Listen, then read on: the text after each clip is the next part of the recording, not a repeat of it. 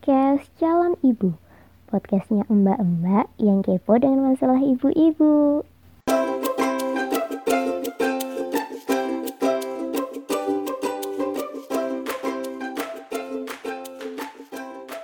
Assalamualaikum warahmatullahi wabarakatuh. Halo halo, berjumpa kembali di podcast Calon Ibu. Podcastnya mbak-mbak yang kepo dengan masalah ibu-ibu. Apa kabar kawan-kawan semua? Semoga selalu diberikan kesehatan. Kesehatan itu salah satu aset penting yang kita miliki. Ya, katanya sih harta yang paling berharga adalah keluarga ya, tapi semua itu pasti tidak ada artinya, tidak bisa kita rasakan kebahagiaannya kalau tubuh kita itu tidak sehat. Nah, berbicara tentang kesehatan, penting bagi kita untuk menjaga setiap organ tubuh kita yang sangat penting itu terutama adalah kesehatan gigi dan mulut karena kesehatan gigi dan mulut yang tidak kita jaga itu akan berpengaruh ke mana-mana. Kalau teman-teman pernah sakit gigi, itu pasti efeknya ke mana-mana. Jadi nggak bisa tidur, jadi mau aktivitas apa pun akan terasa tidak nyaman. Nah, itu sebabnya kita sangat diharuskan untuk merawat kesehatan gigi dan mulut. Kalau saya sebagai orang dewasa merasakan sakit gigi itu ya oh, seperti tadi nggak bisa bekerja dengan nyaman, nggak bisa tidur. Nah kalau anak-anak seperti apa ya eh, kasus-kasus yang dialami?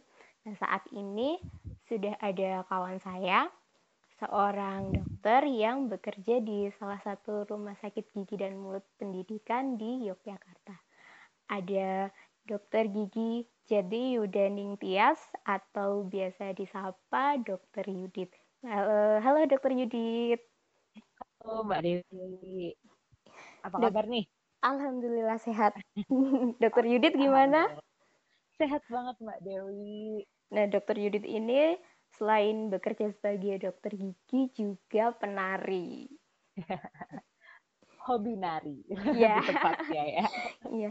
okay. uh, dokter Yudit, sebagai dokter gigi nih, ketika merawat pasien anak itu kasus apa sih yang sering dijumpai? Oke, ini kita bicara tentang kasus gigi anak ya berarti ya. Iya. Malam ini. Uh, nah, kalau kasus gigi anak yang paling sering dijumpai saat ini masih sering adalah sakit gigi itu. Jadi secara mm -hmm. gigi anak-anak datang ke dokter gigi kalau sakit gigi. Nah hmm. itu paling besar sih, paling banyak muncul kasus seperti itu Mbak Dewi. Hmm. Misalnya gigi berlubang?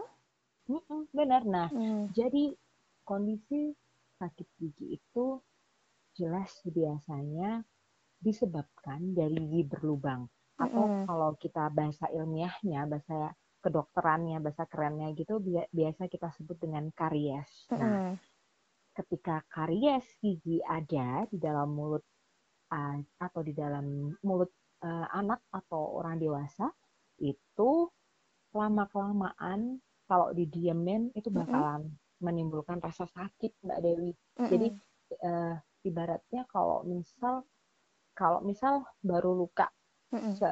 di bagian kulit aja itu kan sakit bentar. Hmm. Habis itu makin dalam makin lama sakitnya. Terus makin dalam lagi sembuhnya juga makin lama. Pun sama dengan gigi.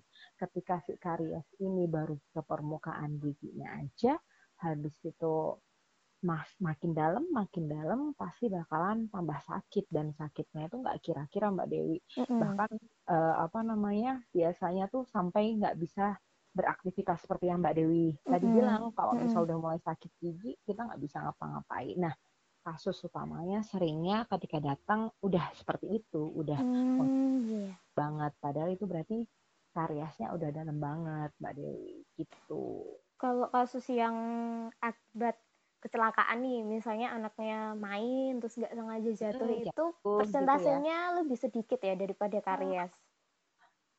50-50 ya sebenarnya. Mm -hmm cuman biasanya seringnya mm-hmm. kalau ke dokter gigi tuh kebanyakan tuh kalau udah mulai sakit sih kayak gitu. Yeah. Misal jatuh aja, misal cuman potek kayak gitu yeah. ya. Orang tua tuh kadang ah gimana kayak gitu. Uh, sakit oh, nggak gitu kalau gitu kalau kalau dirasa anaknya rewel baru datang lagi ke ke dokter gigi kayak gitu. iya, karena aku Sebenarnya. melihat beberapa keponakanku tuh kayak gitu juga. Jadi lari-lari, main, terbentur. Awalnya awalnya cuman patah sedikit gitu karena e, nggak ada keluhan apa-apa ya udah, tapi terus sehari kemudian anaknya mengeluh sakit, nangis nah. baru deh sama orang tuanya itu dibawa ke dokter gigi. Padahal itu penting banget Mbak Dewi e, ketika penanganan pertama. Kenapa? Karena kalau misal ini uh, kasus kayak gitu ya kasus mm -hmm. kondisi gigi giginya terbentur lah istilahnya trauma kayak mm -hmm. gitu ya itu justru orang tua itu akan lebih baik mm -hmm. uh, benar-benar jadi kayak first aids-nya mm -hmm. jadi kayak gini ketika giginya patah aja langsung bawa ke dokter gigi karena hmm. kadang anak-anak usia yang jatuh kayak gitu kan sebelum umur lima tahun ke iya, bawah ya, kan ya biasanya bawah masih kecil karena masih belum bisa ngontrol keseimbangannya mereka. Nah, kalau misal umur segitu dia sudah uh, dia pernah trauma kayak gitu mm -hmm. langsung bawa aja. Kenapa kalau misal itu masih gigi susu, setidaknya kita bisa rawat gigi tersebut kayak mm, gitu. Yeah. Karena gigi susu itu uh, dia sebagai istilahnya kayak kalau jadi turis tuh kayak tour guide-nya lah. Iya, jadi mungkin hmm uh, fondasi untuk pertumbuhan gigi dewasanya nanti itu juga hmm, ditentukan ya. waktu gigi susu ini berkembang ya. Nah, jadi jadi gigi permanen ini istilahnya punya jalurnya itu tuh mm-hmm. lewat gigi susunya itu. Jadi mm-hmm. nanti dia akan hmm, tumbuh yeah. kalau susunya itu posisinya baik di situ ya udah dia akan tumbuh ke situ. Nah, makanya ketika misal si anak itu waktu gigi susunya rusak atau apa segera tangani kayak gitu. Alangkah lebih baiknya dicegah kayak gitu. Nah, terus ada lagi nih Mbak Dewi kalau hmm. misal dia copot yang copot pot kayak gitu. Hmm. Nah, jadi bisa nih Mbak Dewi kalau misal anak kan sering tuh kalau jatuh giginya copot kayak gitu ya. Nah, terutama kalau pada fase gigi sudah permanen ya atau gigi sudah sudah tetap kayak gitu bukan gigi susu lagi. Nah, itu kalau nanti udah jatuh, jeduk kayak gitu copot. Nah, buruan-buruan disimpan kayak gitu. Bisa masih bisa diselamatkan untuk ibu ayah bunda. Kalau misal anaknya terjatuh kemudian giginya lepas atau namanya avulsi itu giginya diambil. Jadi kalau misal giginya lepas utuh sampai ke akar-akarnya itu langsung diambil aja. Tapi jangan pegang bagian akarnya. Nanti gigi itu boleh dibersihkan di air mengalir. Habis itu kalau sudah bersih boleh dikulum atau diemut Bapak Ibu. Jadi biar diamkan dia terbalut oleh air liur atau kalau tidak pakai susu murni seperti itu direndam di susu murni. Kemudian segera ke dokter gigi karena kondisi tersebut bisa membantu giginya itu bisa dikembalikan. Itu untuk gigi permanennya. Begitu Bapak Ibu dan bunda sekalian, ayah ibu bunda sekalian, gitu Mbak Dewi. Bisa bisa dipasang lagi kayak gigi palsu gitu? jadi bukan gigi palsu ya. Jadi kayak giginya yang udah copot masukin lagi tapi kalau kondisinya masih membaik tuh kayak gitu. oh, gitu. Jadi masih bisa ini bener-bener aku baru tahu loh kalau gigi susu tuh bisa dipasang kembali. Nah, kalau kalau gigi susu uh, kalau gigi susu mungkin nggak eh, nggak bisa kalau oh. gigi susu kan gigi susu jadi kalau misal anak seringnya anak jatuh uh -uh. copot uh -uh. betul kayak gitu misal uh -uh. anak kan juga sudah ada gigi permanennya mbak Dewi uh -uh. nah kalau misal posisinya sudah gigi permanen ya itu uh -uh. bisa dia jatuh akan berikatan kalau misal dikembalikan ke soket namanya soket uh -uh. itu area tempat gigi itu uh, ada kayak gitu uh -uh. kalau misal gigi susu yang copot ya udah periksain aja kalau emang misal udah nggak bisa dipertahankan ya mungkin dokter nanti akan mempertahankan space-nya itu. Hmm, gitu. Iya, ya. jadi oh. jadi nanti akan dicarikan solusinya ya sama si ya, dokter gigi betul, ini. harus dilihat. Uh, Karena um, bukan cenayang kan. Iya, masalah nanti uh, akan dipertahankan seperti apa itu biarkan nanti dokter gigi yang memutuskan ya. Nah, uh, kapan sih orang tua harus mulai sadar untuk merawat gigi anak? Ini pertanyaan Jos nih Mbak Dewi. Kenapa harus kita bahas banget? Iya, kapan gitu kapan loh waktunya yang uh, waktu yang tepat itu? Waktu yang tepat adalah sejak muncul gigi itu. Hmm, nah, iya. ketika mulai muncul gigi, jelas sikat giginya tetap harus diganti sikat gigi. Udah nggak yang silikon lagi, Mm-mm. Mbak Dewi. Ada kan ya kalau misal Iya. masih gitu, orang tua pasti pakai sikat giginya yang silikon. Nah, ketika dia sudah muncul giginya, baru ceringit kecil tuh ya biasanya gigi bawah depan Iya. harus jelas dirawat karena pergantian dari gigi susu ke gigi permanen itu berbeda ada umur umurnya masing-masing ya biasanya ada umur 6 ke 7, 7 ke 8 dan itu biasanya urut eh, kalau misal kita lagi podcast kayak gini saya susah Hmm. jelasinnya kalau gambarnya bisa deh iya. pertumbuhan gigi permanen kayak gitu itu ada usia usianya itu bisa Hmm. bunda-bunda cermati tuh mbak Mbak Mm-mm. Dewi. Nah, apa namanya kalau misal dia sudah mulai tumbuh, Mm-mm. mulai sikat aja. Kalau Hmm. misal dia belum bisa disikat, pakai kasah, kain kasah Hmm. steril, dibasahi, air hangat sedikit gitu, diusap giginya setiap kali setelah minum ASI atau minum susu formula dan lain sebagainya. Iya, dan masalah. Ya, pakai airnya yang air matang ya jadi misalnya Ya. nanti tertelan itu nggak berbahaya buat si anaknya bener kan kalau masih kecil kan nggak bisa kumur. Iya, benar, benar banget. Jadi, jadi yang aman pakai air hangat Hmm. Nah, kalau anak-anak ini kan kesadaran untuk menyikat giginya itu kan ya ada anak yang rajin tapi banyak kan Ya, anak-anak kan males saya yang orang dewasa pun kadang kalau mau Ayo tidur aku aduh loh. ini kamar mandinya kok kayaknya jauh banget ya. Mau ke kamar mandi tuh rasanya ya mau mau ke kamar mandi tuh rasanya kok dingin ya. Nah bagaimana caranya orang tua memunculkan kesadaran untuk menyikat gigi pada anaknya? Paling enggak supaya anaknya itu termotivasi gitu untuk menyikat gigi Oke banget Mbak. Anak itu fasenya fase dia meniru, bener nggak? Hmm, iya benar Nah, gimana dia bisa rajin? Itu dia pasti terlihat dari eh, apa namanya orang yang orang tuanya ya orang yang paling dia dia anggap sebagai contoh Eh, yang terdekat adalah orang tua karena dia paling sering sama orang tua. Nah, untuk menumbuhkan rasa dia bisa rajin untuk sikat gigi, bisa mau ke dokter gigi ya dengan cara orang tua mencontohkan. Boleh deh dicoba. Kalau misal ayah bunda kayak gitu mau sikat gigi, ajak anaknya. Nggak masalah kalau misal Hmm. dia belum mau kayak gitu. Itu contohkan saja dulu orang tua sikat gigi di kamar mandi pakai cermin diludahkan dan lain sebagainya lambat laun anak pasti akan mengikutinya itu nggak nggak dipungkiri kok hmm, iya iya benar. karena anak itu fasenya meniru dan itu jangan terputus dengan hanya sekali dua kali tapi dilakukan dengan rutin. Nah iya. balik lagi kan artinya contohnya adalah orang tua. Kalau misal orang tua bisa melakukan hal tersebut dengan rajin pasti anak akan ngikutin. Ajak anak bersama melakukannya. Jadi dia akan ada rasa wah aku punya temen nih buat sikat gigi Iya. aku punya temen nih buat ke dokter gigi kayak gitu.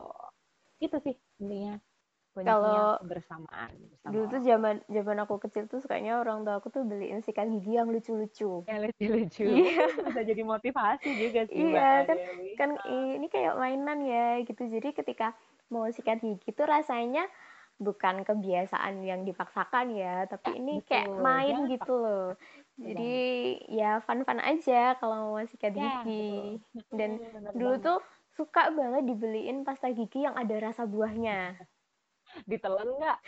Eh sempet ngicip sih dulu. Tapi tapi rasanya kok ya tetap ada rasa-rasa mintnya Rasa kayak pasta gitu gigi ya. biasa sih. Cuman ya hmm, jadi lebih termotivasi sih untuk sikat gigi. Karena kalau pakai sikat gigi yang buat orang dewasa tuh kan agak-agak pahit pedes ya. ya.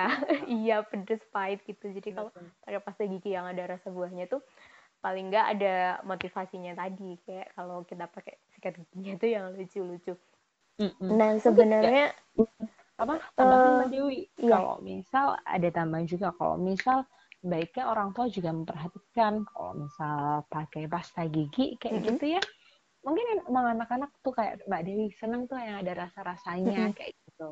Alangkah lebih baiknya nanti dicek kandungannya dari dari pasta giginya aman nggak kalau tertelan hmm, kayak gitu. Iya. Karena mungkin ada beberapa yang uh, apa namanya uh, kalau tertelan mungkin terlalu banyak kandungan fluoride-nya yang masuk ke tubuh kayak gitu. Fluoride itu kan sebenarnya buat kandungan di pasta gigi yang untuk memperkuat gigi mm -hmm. ya sebenarnya. Mm -hmm. Tapi ketika dia terlalu banyak terakumulasi di dalam tubuh itu juga nggak baik mbak mm -hmm. mbak Dewi di gigi. Nanti biasanya bisa jadi uh, giginya itu tuh nanti warnanya tuh jadi putih-putih banget malah jadi rapuh kayak gitu kadang mm, bisa iya.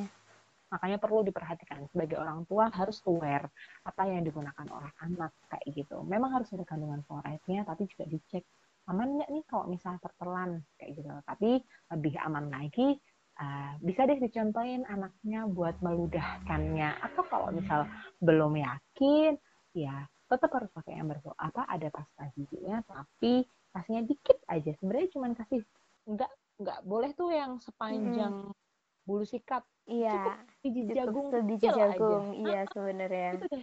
Cukup bener. Salah kaprah. Itu harus iya. praktekin nah kayak gitu.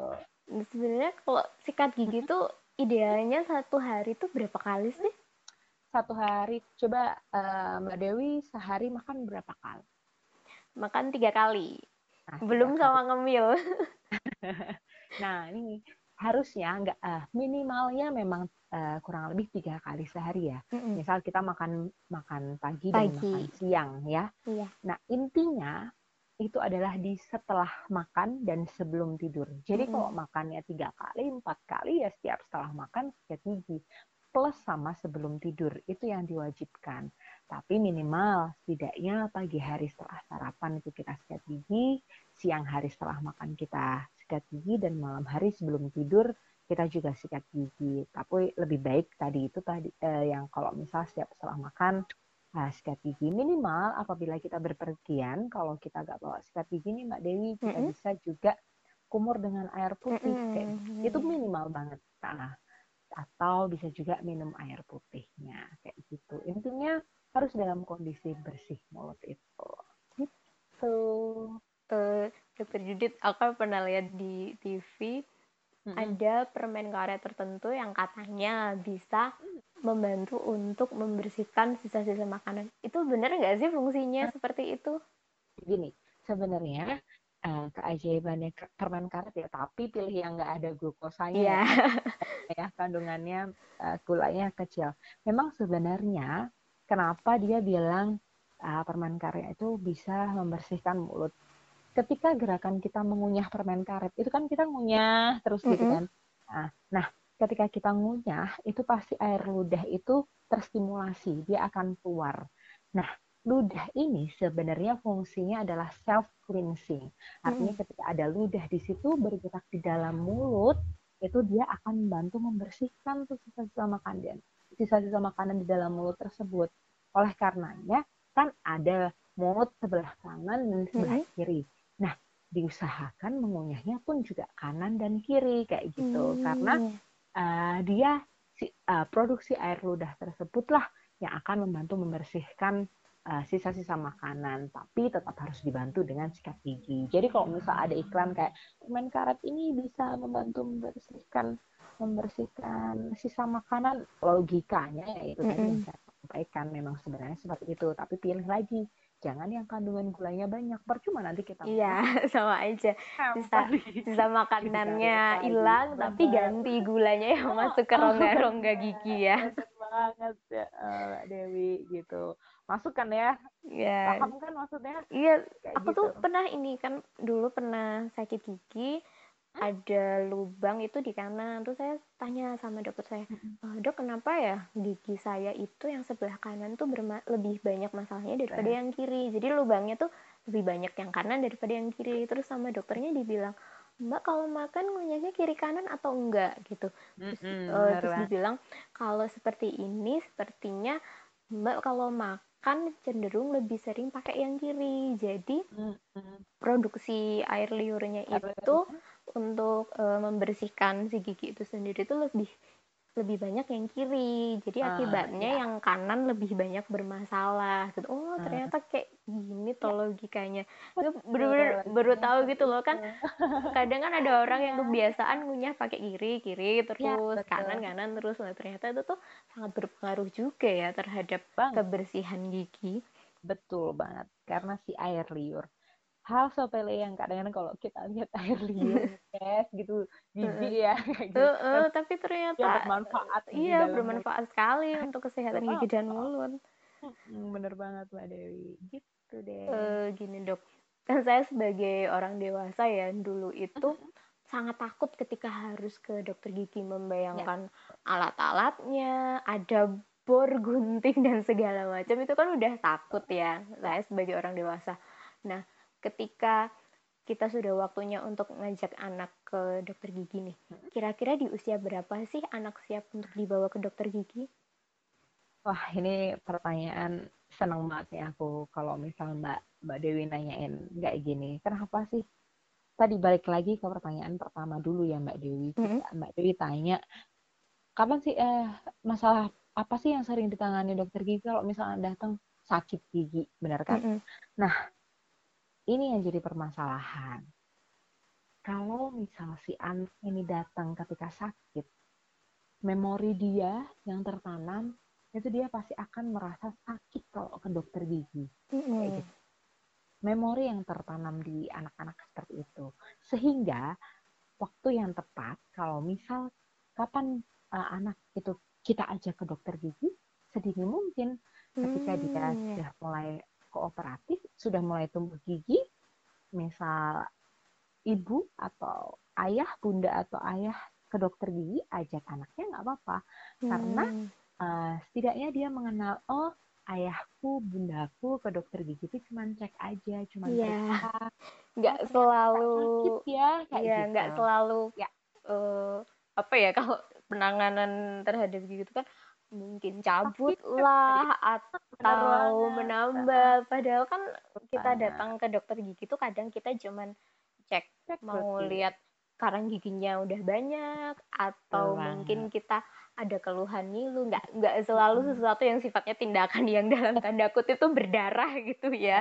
Tapi kan kadang-kadang tuh anak gini juga oh, ada ada orang orang tua oh, yang bilang gini kayak nakut-nakutin anaknya itu loh. Kamu hmm. kalau nggak mau sikat gigi nanti kamu dibawa ke dokter gigi nanti giginya dicabut. Aku pernah dengar ibu-ibu bilang gitu ke anaknya. Nah itu juga sebenarnya harus kita luruskan kenapa? Karena kan kesannya itu kalau ke dokter gigi itu sebagai sebuah punishment. Iya. Sesuatu dia akan ke sini kayak gitu. Padahal enggak padahal mm -hmm. itu sebenarnya dia ke dokter ke dokter gigi ya terutama. Karena kalau misal ke dokter kan jarang ya kalau anak kalau kontrol kecuali kalau ada ada kesakitan tuh tapi kalau ke dokter gigi uh, baiknya adalah untuk mencegah kayak gitu. Hmm. jadi jadi tadi balik lagi kalau misal kapan sih ya itu tadi kalau dia sudah mulai bisa diajak komunikasi ajaklah anak itu ke dokter gigi.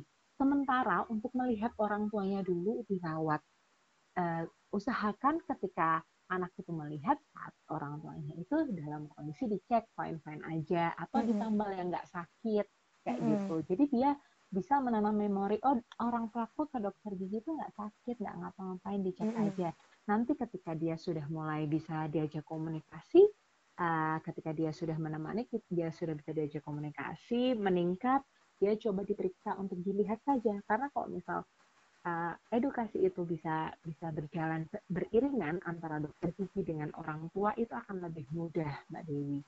Jadi kalau hmm, yeah. kooperatif, udah kooperatif. Sementara kalau misal semoga ya ketika dia sudah mengikuti dari awal orang tuanya kondisi giginya baik sehingga ketika diperiksa kondisinya baik-baik aja. Jadi cuma cek dulu awal kayak gitu. Nah, nanti nextnya pertemuan berikutnya kalau memang ada yang harus ditambah, ditambah satu persatu catatan memang harus kooperatif. Kenapa kalau nggak kooperatif percuma uh, tindakannya nggak akan maksimal kayak gitu. Hmm. Jadi dan juga catatan untuk orang tua PR-nya orang tua banyak banget nih kalau misal untuk kasus gigi satu nggak boleh nakut-nakutin itu mbak yeah. Dewi. Yeah, Kemudian oh, kayak misal kamu kalau nggak sikat gigi nanti kamu dicabut loh ke orang uh, ke dokter gigi atau nanti kalau kamu nakal kamu disuntik loh nah itu iya ini sering banget ini denger nggak boleh tuh kayak gitu. Baiknya jangan kayak gitu karena itu akan uh, bayangan anak akan oh itu punishment aku nanti kalau ketemu gini kayak gitu. Kemudian yang kedua uh, jangan sampai apa namanya oh ketika ke dokter gigi misal si anaknya itu sudah tidak mau dirawat gitu ya misal baru setengah jalan.